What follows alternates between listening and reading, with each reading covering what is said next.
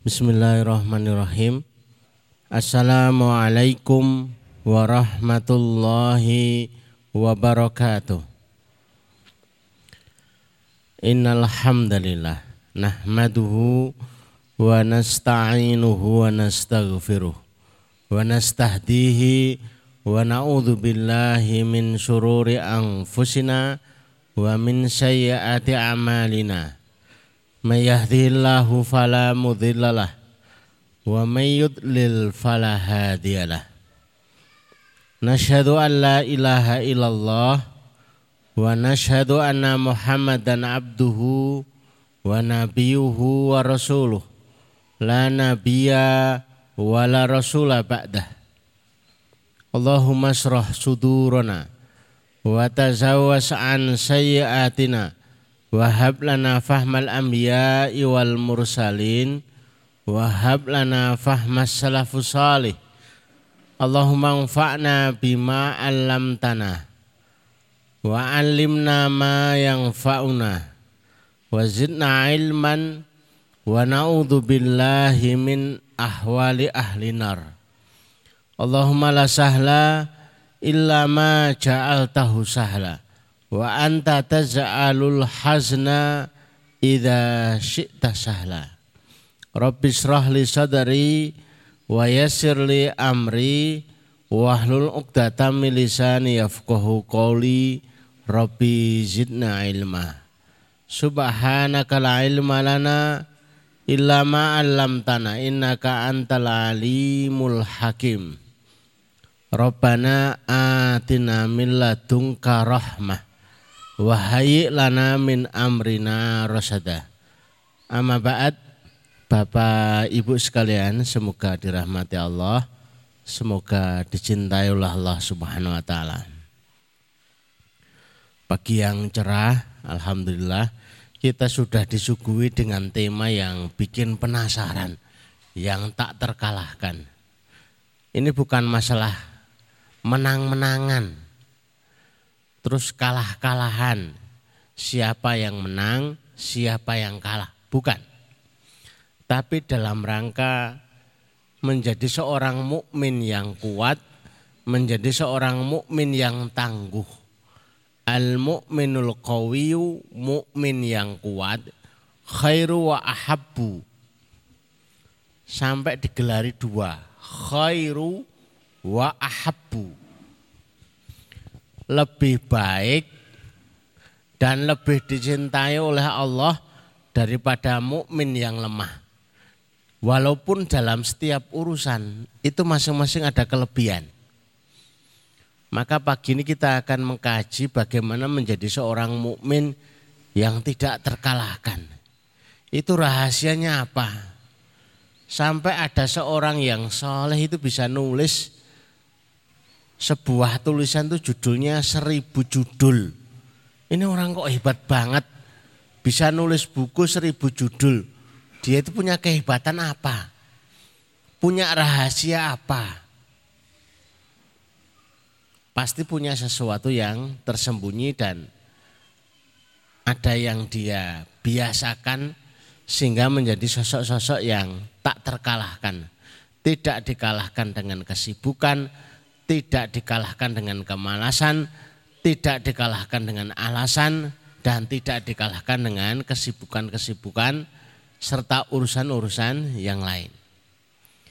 Bapak Ibu yang dirahmati Allah, agar kita segera mendapatkan ilmunya, kita masuk kepada materi yang pertama, yaitu surat Al-Anfal ayat 45 ayat 46. Mestinya ini tidak dibaca. Tapi saya khawatir kalau nggak dibaca itu ya nggak kebaca. Nanti pulang sampai di rumah ya sudah. Cuma ditulisi gitu aja. Bunyinya bagaimana, hafal ya enggak, kemarin lupa, sekarang lupa, kemarin itu enggak hafal, sekarang lupa. Akhirnya hilang ilmunya maka walaupun cuma sekali kita akan baca bareng-bareng. Monggo Bapak Ibu yang dirahmati Allah, ikuti kami walaupun cuma sekali itu membacanya. A'udzubillahi minasyaitonirrajim. Ya ayyuhalladzina amanu Idza lakitum fi'ah fathbutu wadhkurullaha katsira. La'allakum tuflihun. Wa atiullah wa rasuluhu wa la tanaza'u. Fatafsalu wa tadhabari hukum wasbiru innallaha ma'as sabirin Jadi walaupun cuma sekali, paling tidak sudah pernah membaca bahwa kemudian hari itu pengen diulangi itu tambahan. Pengen tambah mateng, pengen tambah bisa menguasai, bisa mengkaji lebih. Ini adalah petunjuk Allah Subhanahu wa taala untuk menjadi seorang mukmin yang tidak terkalahkan. Selanjutnya kita akan urai satu persatu ini secara umum, secara kesimpulan. Kalau disampaikan ini secara utuh berarti sudah selesai. Tapi kita ingin mengkaji, menggali satu persatu. Sebenarnya tidak terkalahkan itu jurusnya apa? Ini yang pertama. Ciri mereka yang tak terkalahkan. Tadi sudah sebutannya Al-Quran itu fathbutu. Seorang yang teguh secara prinsip, seorang yang punya pendirian, punya berilmu, berprinsip, punya pegangan, dan yang paling pokok tidak goyah pendirian.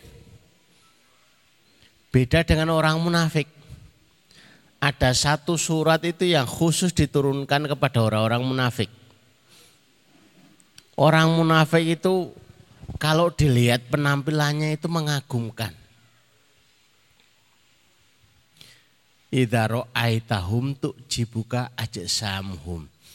Kalau dilihat fisiknya itu mengagumkan.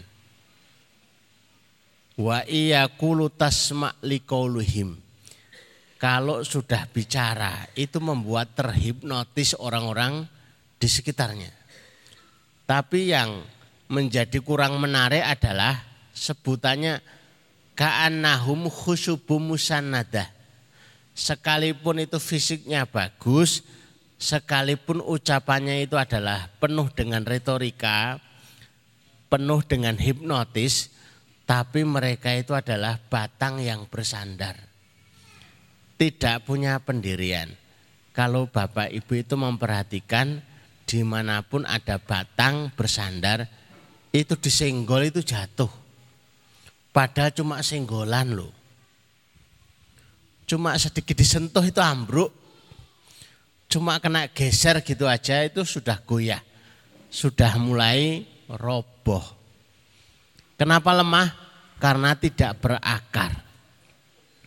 Beda dengan orang-orang beriman yang diibaratkan dalam surat Ibrahim ayat 25 sekalipun itu bukan batang yang besar. Tapi mereka itu diibaratkan seperti tanaman. Asluha sabitun fil art. Akarnya menghujam dalam di tanah.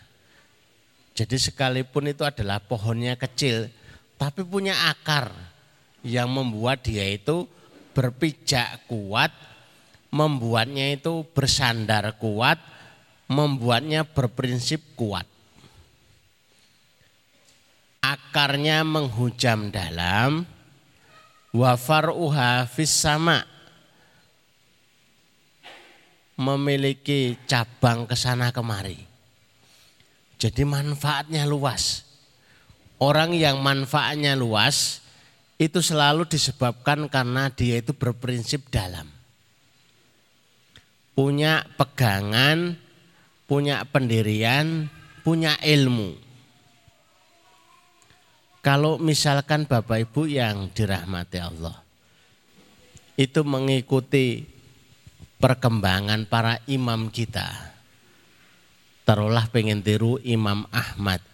Saya itu pengen tiru Imam Ahmad. Kok kayaknya hebat banget.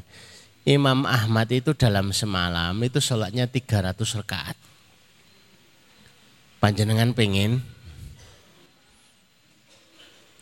aku tak madhabe Imam Ahmad.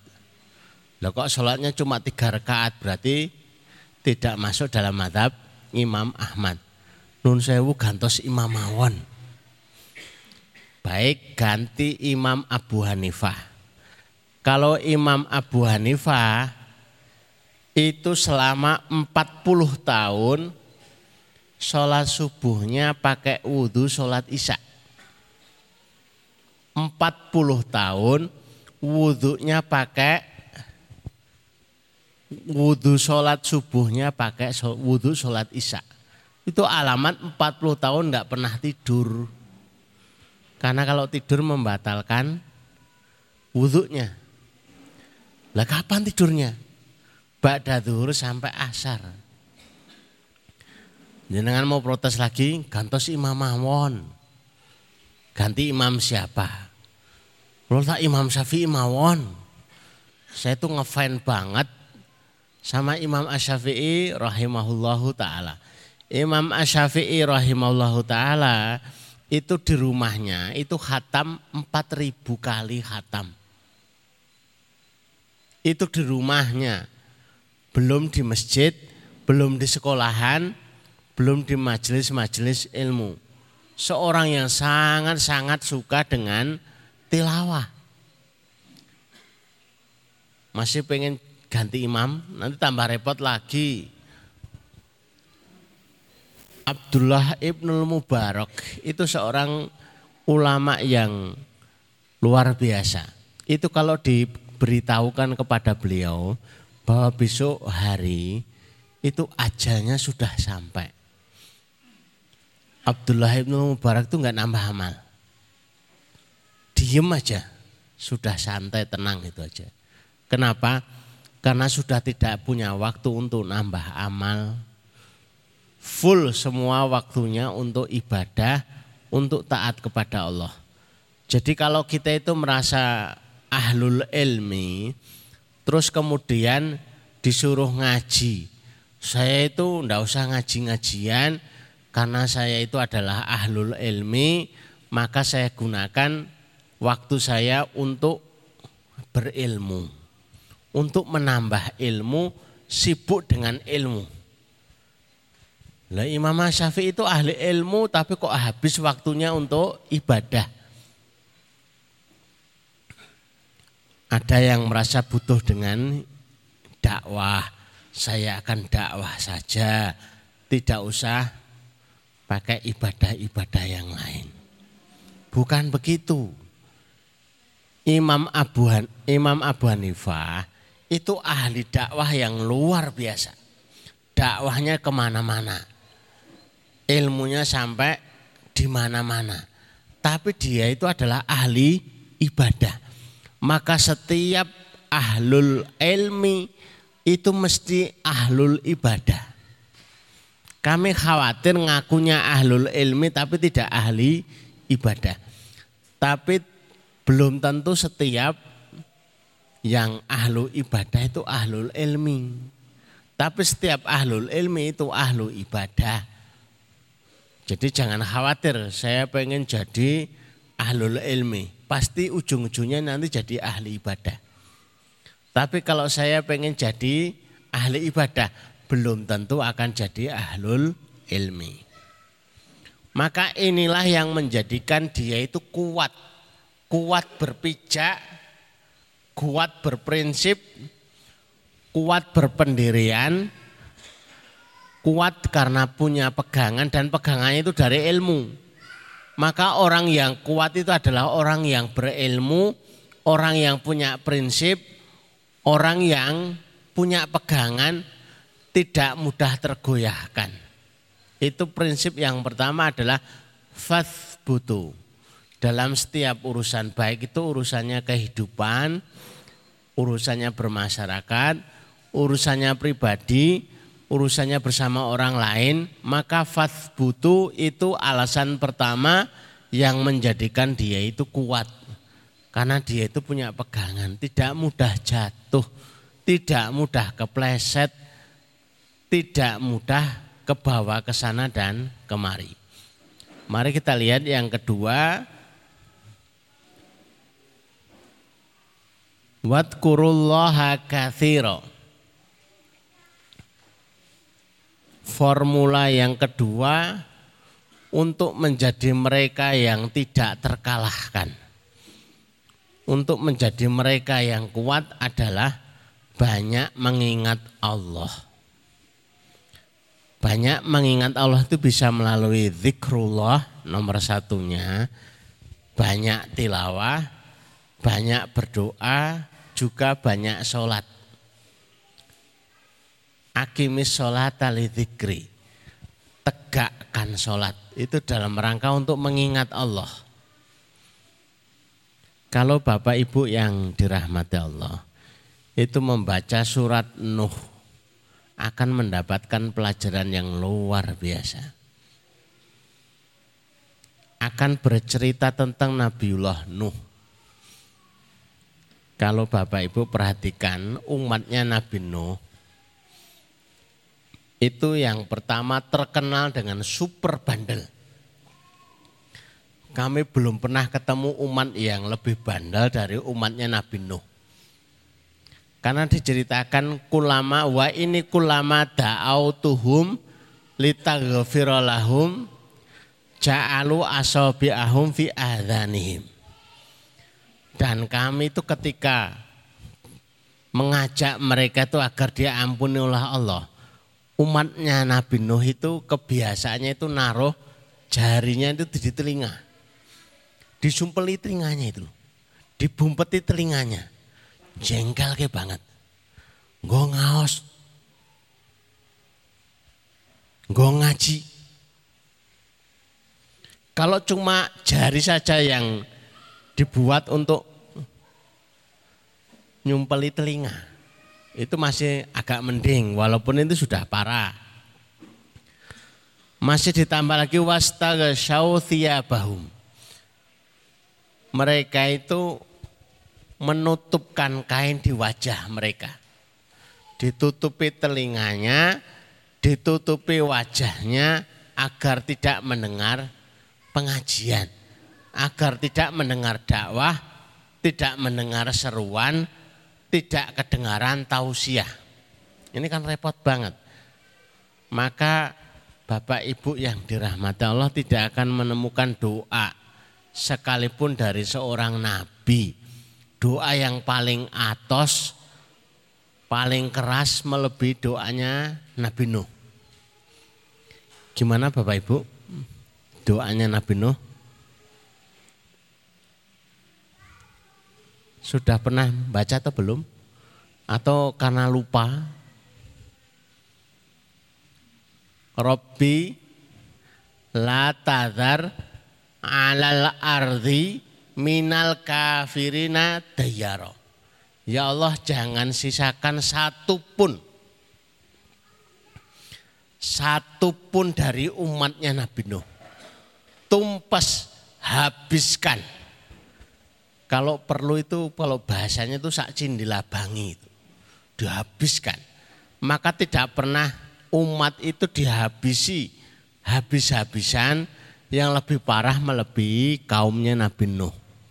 Banjirnya Nabi Nuh itu di atas gunung paling tinggi. Kalau gunung paling tinggi itu gunung mana ya?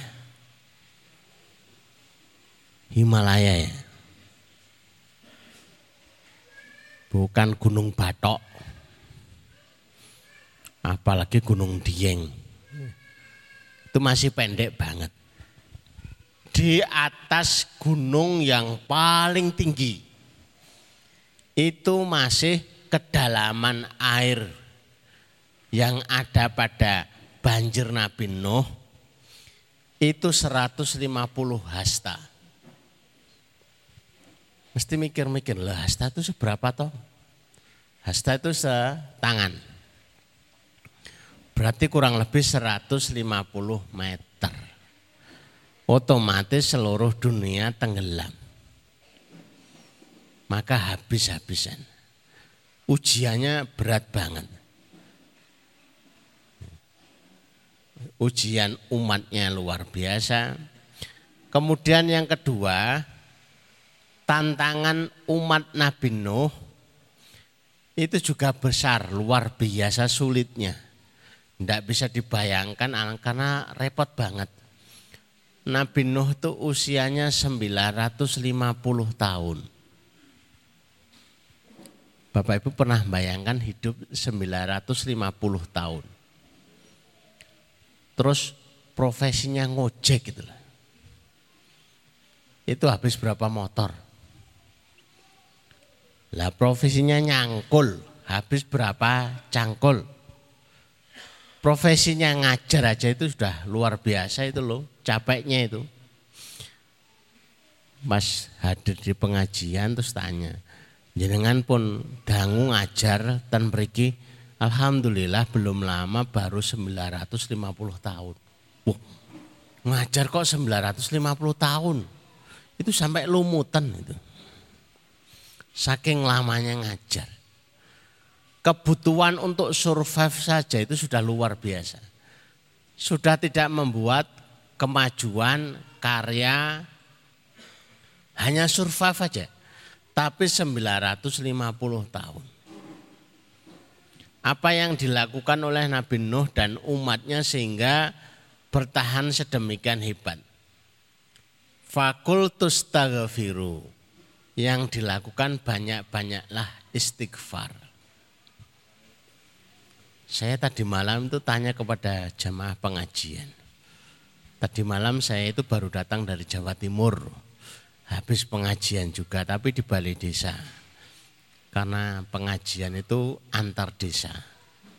Saya tanya istighfar yang banyak itu berapa Bapak Ibu?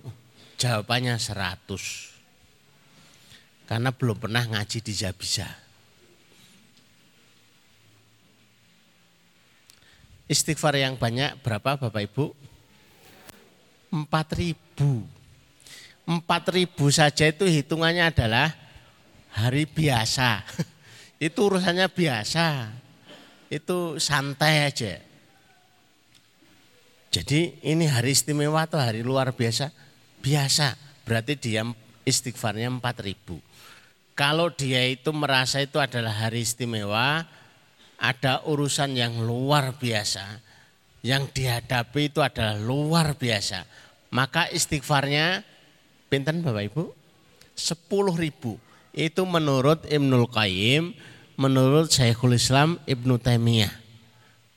Tidak perlu membuat definisi sendiri, sudah ada yang sudah ada yang menuliskan, sudah ada yang memfatwakan.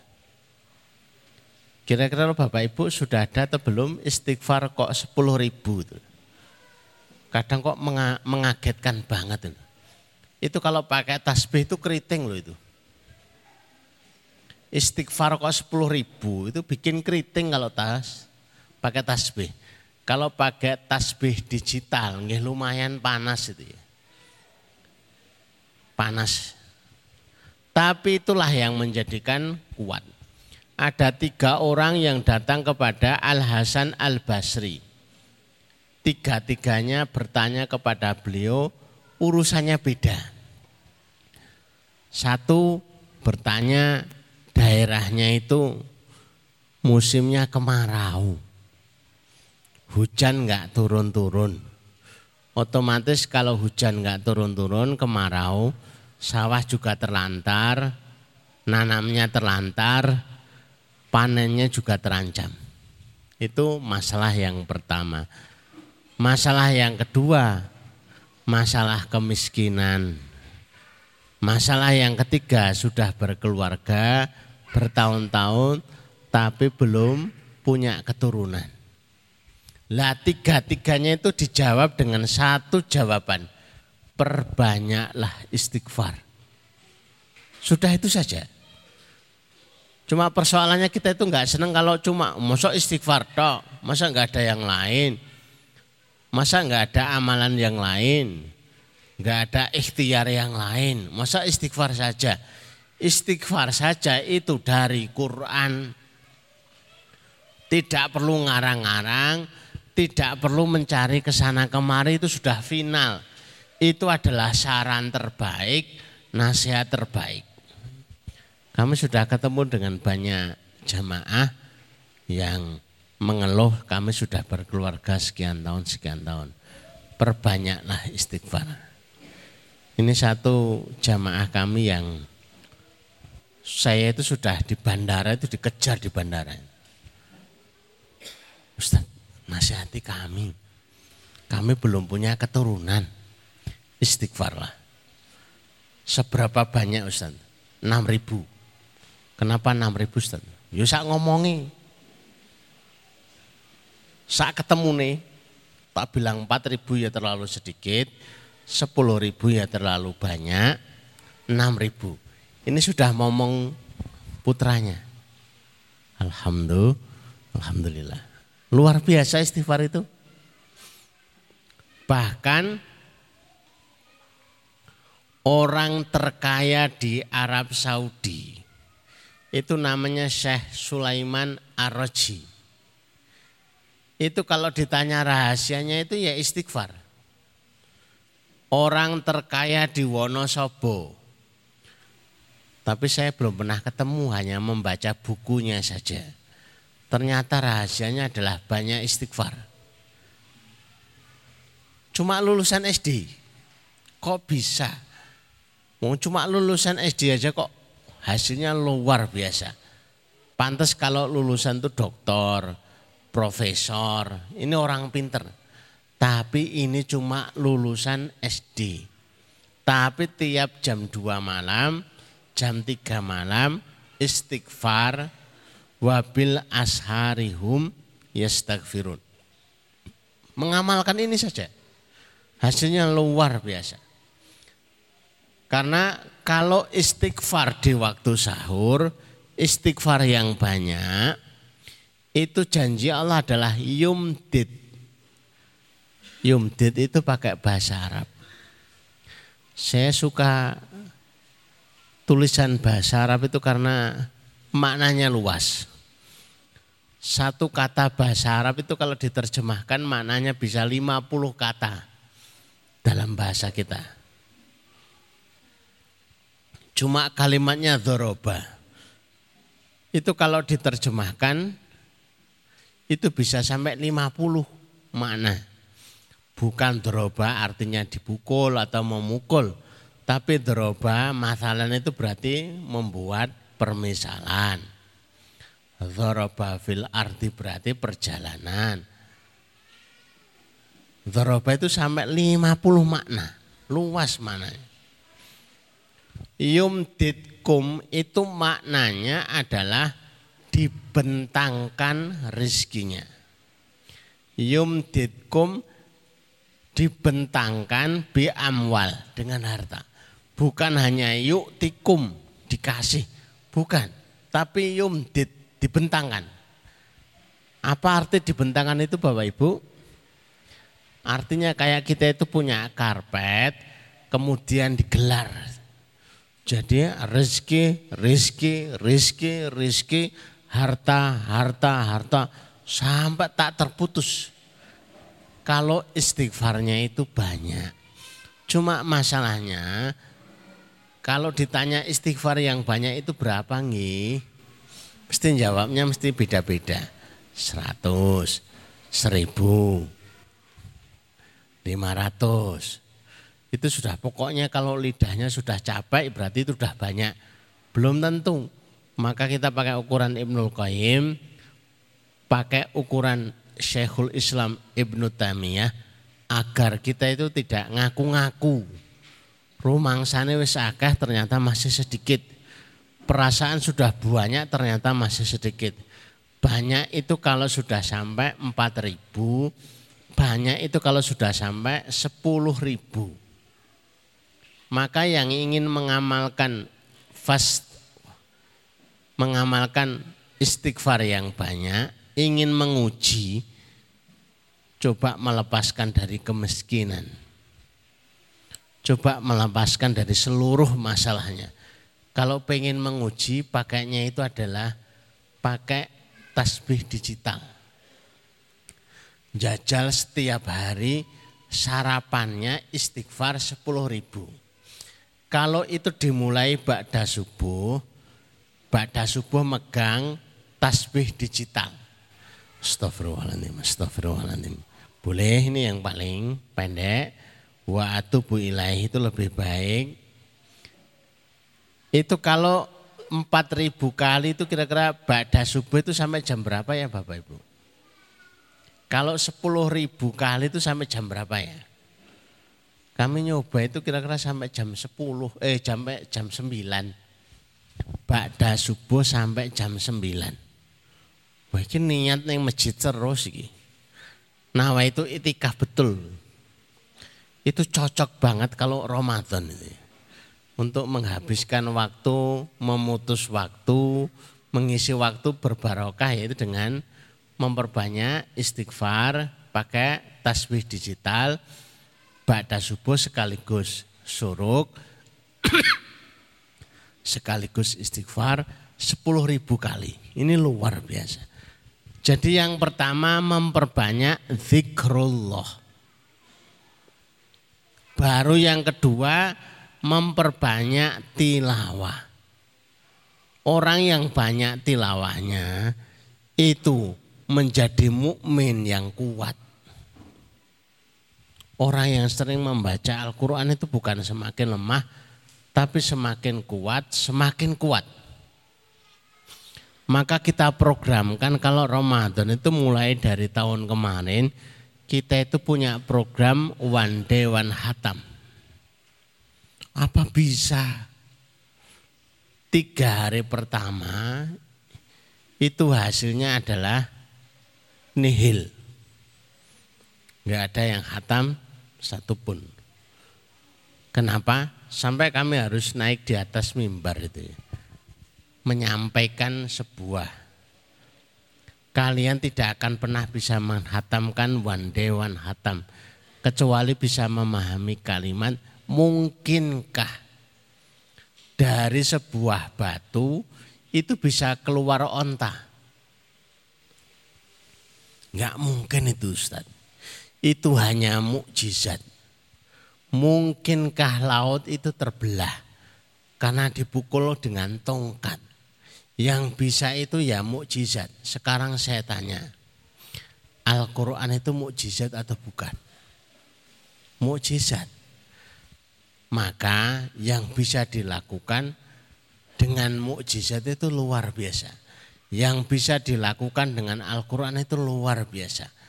Tapi butuh ada yang mencoba, butuh ada yang testimoni bahwa ini luar biasa. Cukup dibaca. Adapun mereka yang menghafal, sebenarnya tujuan menghafal itu untuk membaca. Maka di mana-mana, di seluruh dunia, di seluruh tempat yang ada, kalau ketemu dengan mushaf itu mesti tulisannya Quran. Tulisannya Al-Quran. Maknanya adalah bacaan. Bukan berarti berubah menjadi hifdon, hafalan. Enggak. Atau berubah menjadi dibatin wae. Yang penting mulutnya oma umi gitu ya. Terus kemudian jadi berubah batinan, yuraono Enggak ada. Masih utuh sampai sekarang Al-Quran itu ya Al-Quran. Bacaan. Yang ketiga banyak berdoa. Saya itu membawa buku itu dari Makkah Al-Mukarramah dari Masjidil Haram waktu ke sana dapat buku isinya 27 doa. Itu katanya itu sudah banyak banget. Itu padahal baru 27. Itu kalau diteruskan banyak. Ad-du'a'u min kitabillah wa sunnah rasulihi. Doa-doa yang ada di dalam kitabullah, doa-doa yang ada dalam sunnah Rasulullah. Itu padahal baru 27, tapi katanya sudah banyak banget satu buku. Itu luar biasa. Siapa yang ingin mengubah nasibnya, hidupnya, perjalanan kehidupannya. Coba dirutinkan berdoa dengan doa yang luar biasa. Hasilnya akan maksimal karena sudah terkumpul.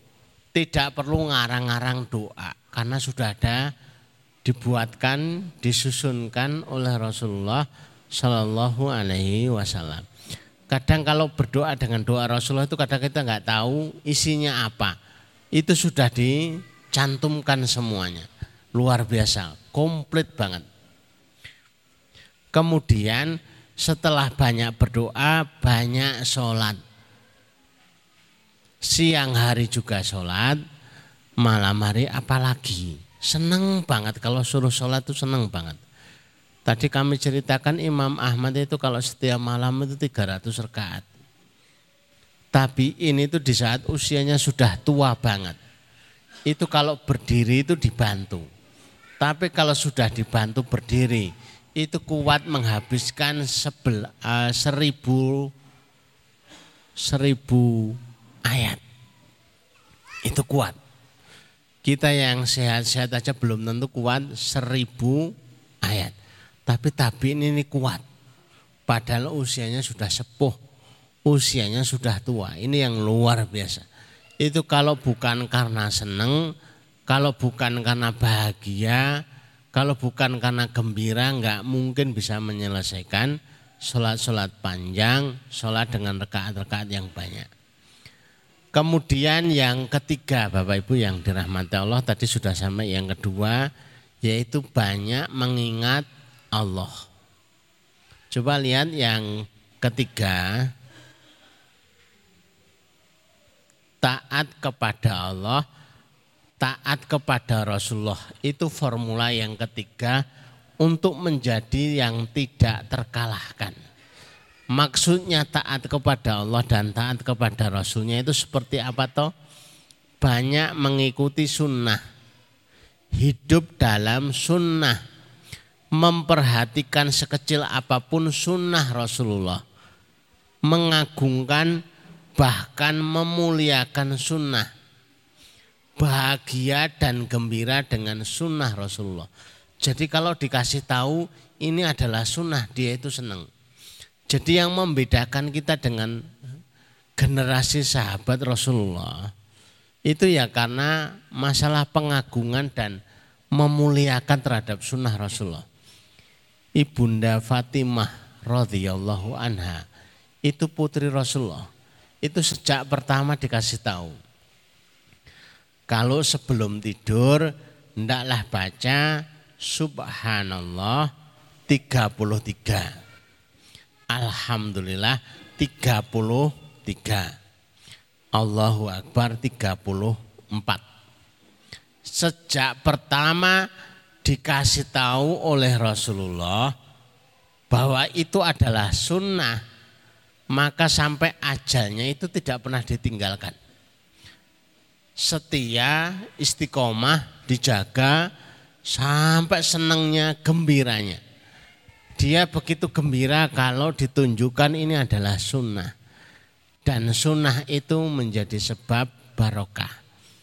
Karena sunnah itu menjadi sebab barokah, maka dengan sunnah menjadikan dia itu lebih kuat, lebih kuat, lebih kokoh, lebih dapat pertolongan dari Allah Subhanahu wa taala. Tempo hari kita cerita tentang siwak Siwa itu kejadiannya kan benteng Nahawan. Benteng Nahawan itu sudah dikepung para sahabat. Ingin ditaklukkan. Tapi selama 200 hari itu tidak pernah tertaklukkan. Padahal yang ngepung itu adalah para sahabat. Kurangin apa tuh sahabat itu? Wong para sahabat kok kurang. Begitu dievaluasi, ternyata di antara mereka itu banyak yang meninggalkan siwak. Langsung diperintahkan oleh panglimanya semuanya menggunakan kayu siwak untuk gosok gigi. Lah sudah jauh dari Madinah, akhirnya diperintahkan tebang pohon apa saja yang bisa difungsikan sebagai siwa. Niatannya itu untuk menebang sembarang kayu untuk siwa. Pokoknya yang bisa dipakai untuk siwa. Tapi yang diperlihatkan Allah kepada mereka, musuh-musuhnya, ini adalah umat Islam sudah marah. Betul-betul parah bukan hanya pedang yang diasah, tapi gigi mereka yang diasah. Namanya siwakan ya mesti ngasah gigi lah. Ini umat Islam sudah marah banget. Para sahabat sudah marah banget. Giginya sudah diasah, siap ngunyah-ngunyah. Terkenalnya kalau di Siroh itu kaum muslimin itu adalah kanibal. Karena apa? Ya ceritanya gigi aja di diasah. Lah musuh itu jatuh mentalnya. Begitu jatuh mentalnya, akhirnya mereka bisa dikalahkan, bisa ditaklukkan. Itu yang menjadi rahasia sehingga sunnah Rasulullah itu menjadi hebat. Kemudian yang ketiganya taat kepada Allah dan Rasulnya.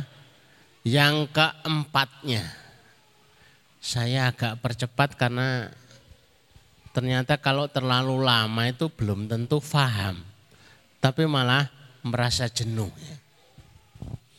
Tidak berpecah belah, tidak cocok itu banyak, berbeda itu biasa, tapi tidak berpecah belah karena berpecah belah itu sebab kekalahan indah dan gagahnya sebuah persatuan. Perpecahan sebab hilangnya eksistensi, hilangnya wibawa. Hanya gara-gara sholat subuh yang satu pakai kunut, yang satu enggak pakai kunut bangun masjid. Jamaahnya beda. Kemudian terbagi menjadi dua golongan tiga golongan, empat golongan, akhirnya terpecah-pecah menjadi golongan-golongan, akhirnya lemah. Perpecahan itu sebab hilangnya keharuman nama. Sekalipun itu kelasnya sahabat, kalau sudah kena perpecahan itu menjadi hilang harumnya. Zamannya Utsman bin Affan itu kaum muslim itu sempat terjadi perpecahan luar biasa. Padahal sudah seperempat dunia itu pada zaman Umar bin Khattab itu dalam kekuasaan kaum muslimin. Tiba-tiba menjadi lemah, lemah, lemah dan akhirnya kekuatannya hilang. Baru balik lagi setelah sekian waktu lagi. Maka perpecahan itu harus dijaga, harus di tahan agar tidak terjadi perpecahan, padu dan lain sebagainya. Selalu berdoa dalam ukhuwah. Bapak Ibu ada yang hafal surat Al-Hasr ayat 10. Robana, pokoknya kalau doa itu Robana. Robana firlana Wali ikhwanina ladina sabakuna bil iman. Ya Allah ampunilah kami, ampunilah bapak bapak kami, simbah-simbah kami, para pendahulu kami. Kita itu jarang-jarang berdoa untuk orang-orang tua kita, generasi sebelum kita. Padahal itu luar biasa untuk menjaga ukhuwah. Kalau bukan karena orang tua kita, kalau bukan karena mbah-mbah kita, Kalau bukan karena buyut-buyut kita yang lebih tua daripada kita, barangkali kita sudah berpecah belah. Karena sebab nama mereka, keturunan mereka disambungkan karena persaudaraan oleh mereka. Kita menjadi satu, menjadi ukhuwah yang luar biasa.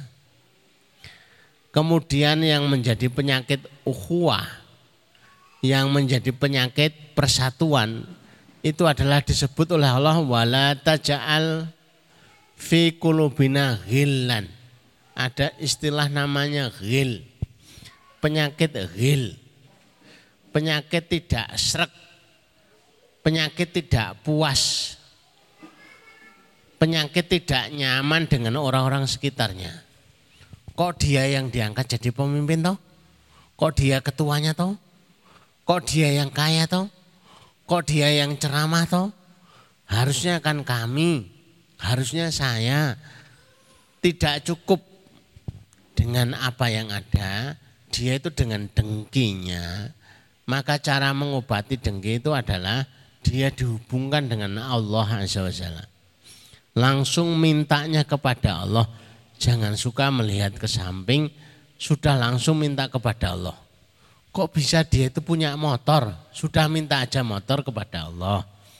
Kok bisa dia itu baru berkeluarga kok sudah punya rumah? Sudah langsung saja minta rumah kepada Allah Masya Allah. Urusannya selesai.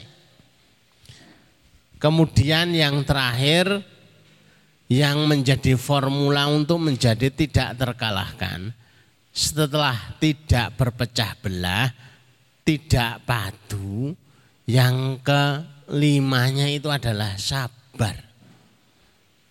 Sabar untuk selalu benar. Itu berat. Sabar untuk selalu ngaji itu berat kok. Apalagi kok sabar untuk selalu benar.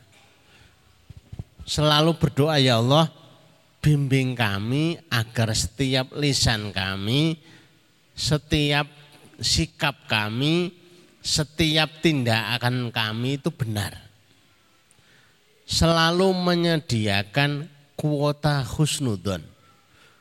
Jadi kalau seseorang itu selalu punya kuota husnudon, maka dia sabar. Kalau mulai enggak sabar, berarti husnudonnya sudah mulai terkikis habis. Kenapa dia enggak datang? Kenapa dia enggak bantu? itu tidak terjawab kecuali dengan husnudon merasa berprasangka baik kepada orang-orang yang ada di sekitarnya. Maka sabar itu paling mudah didefinisikan dengan menahan hati dari ketidakpuasan. Menahan lesan dari keluhan.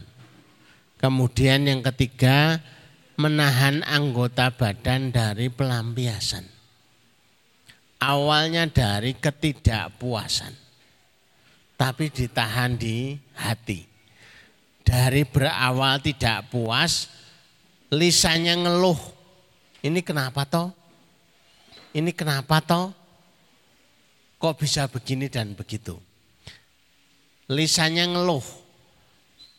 Kalau tidak bisa ditahan, akhirnya menggerakkan tangan, mukul, jewer, ngeplak dan lain sebagainya, tindakan-tindakannya akhirnya tidak bisa terkendali.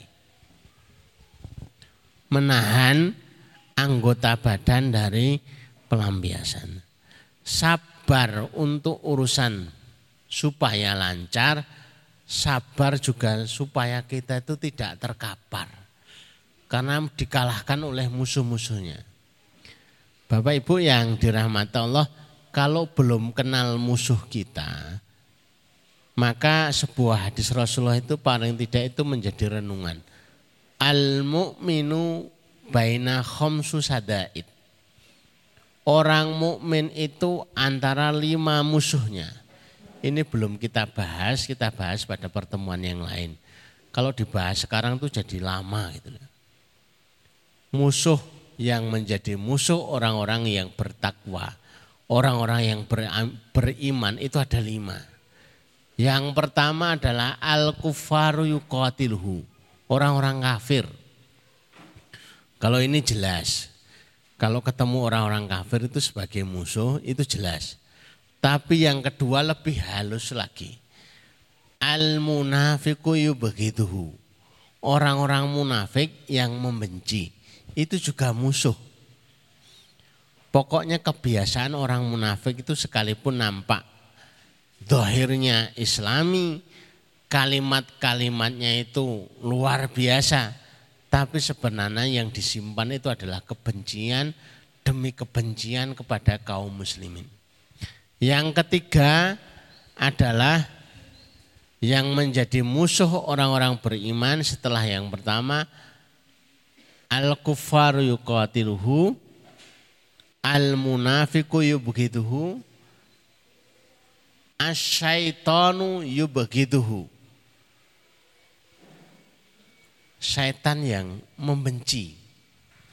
Munafik yang membenci, setan juga membenci itu juga musuh. Inna syaitana lakum adu fattakhiduhu aduwa. Setan itu adalah musuhmu, maka tetaplah dia engkau jadikan sebagai musuh. Pakai cara begini ya musuh, pakai cara begitu juga musuh. Biangnya itu setan. Kayaknya nampak halus saja. Tapi sebenarnya mencaci itu juga dari setan, memuji itu juga dari setan. Intinya untuk menebarkan kebencian kepada orang-orang yang beriman.